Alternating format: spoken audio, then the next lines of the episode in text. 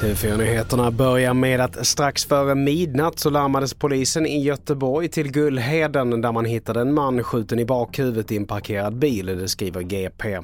Offret har identifierats och har inga kända kopplingar till kriminella nätverk. Polisen rubricerar händelsen som mord och har inlett en stor polisinsats men än så länge så är ingen gripen.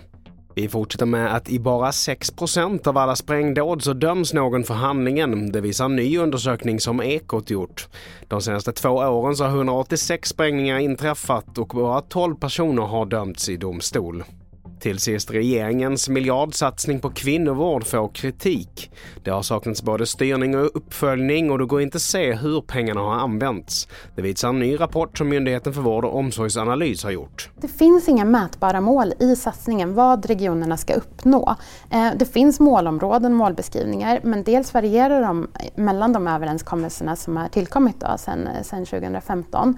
Men det finns, inte, det, det finns inget mätvärde eller något specifikt som gör att vi kan utvärdera effekten eller säga om satsningen har varit framgångsrik eller inte. Och i inslaget här så hörde vi Siri Lindqvist som är utredare för Myndigheten för vård och omsorgsanalys. Fler nyheter hittar du på tv4.se. Jag heter Mattias Nordgren.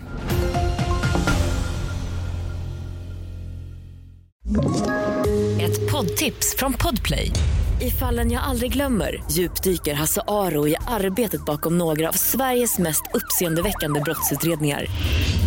Går vi in med hemlig telefonavlyssning och, och då upplever vi att vi får en total förändring av hans beteende. Vad är det som händer nu? Vem är det som läcker?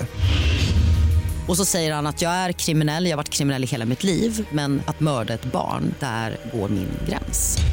Nya säsongen av Fallen jag aldrig glömmer på Podplay.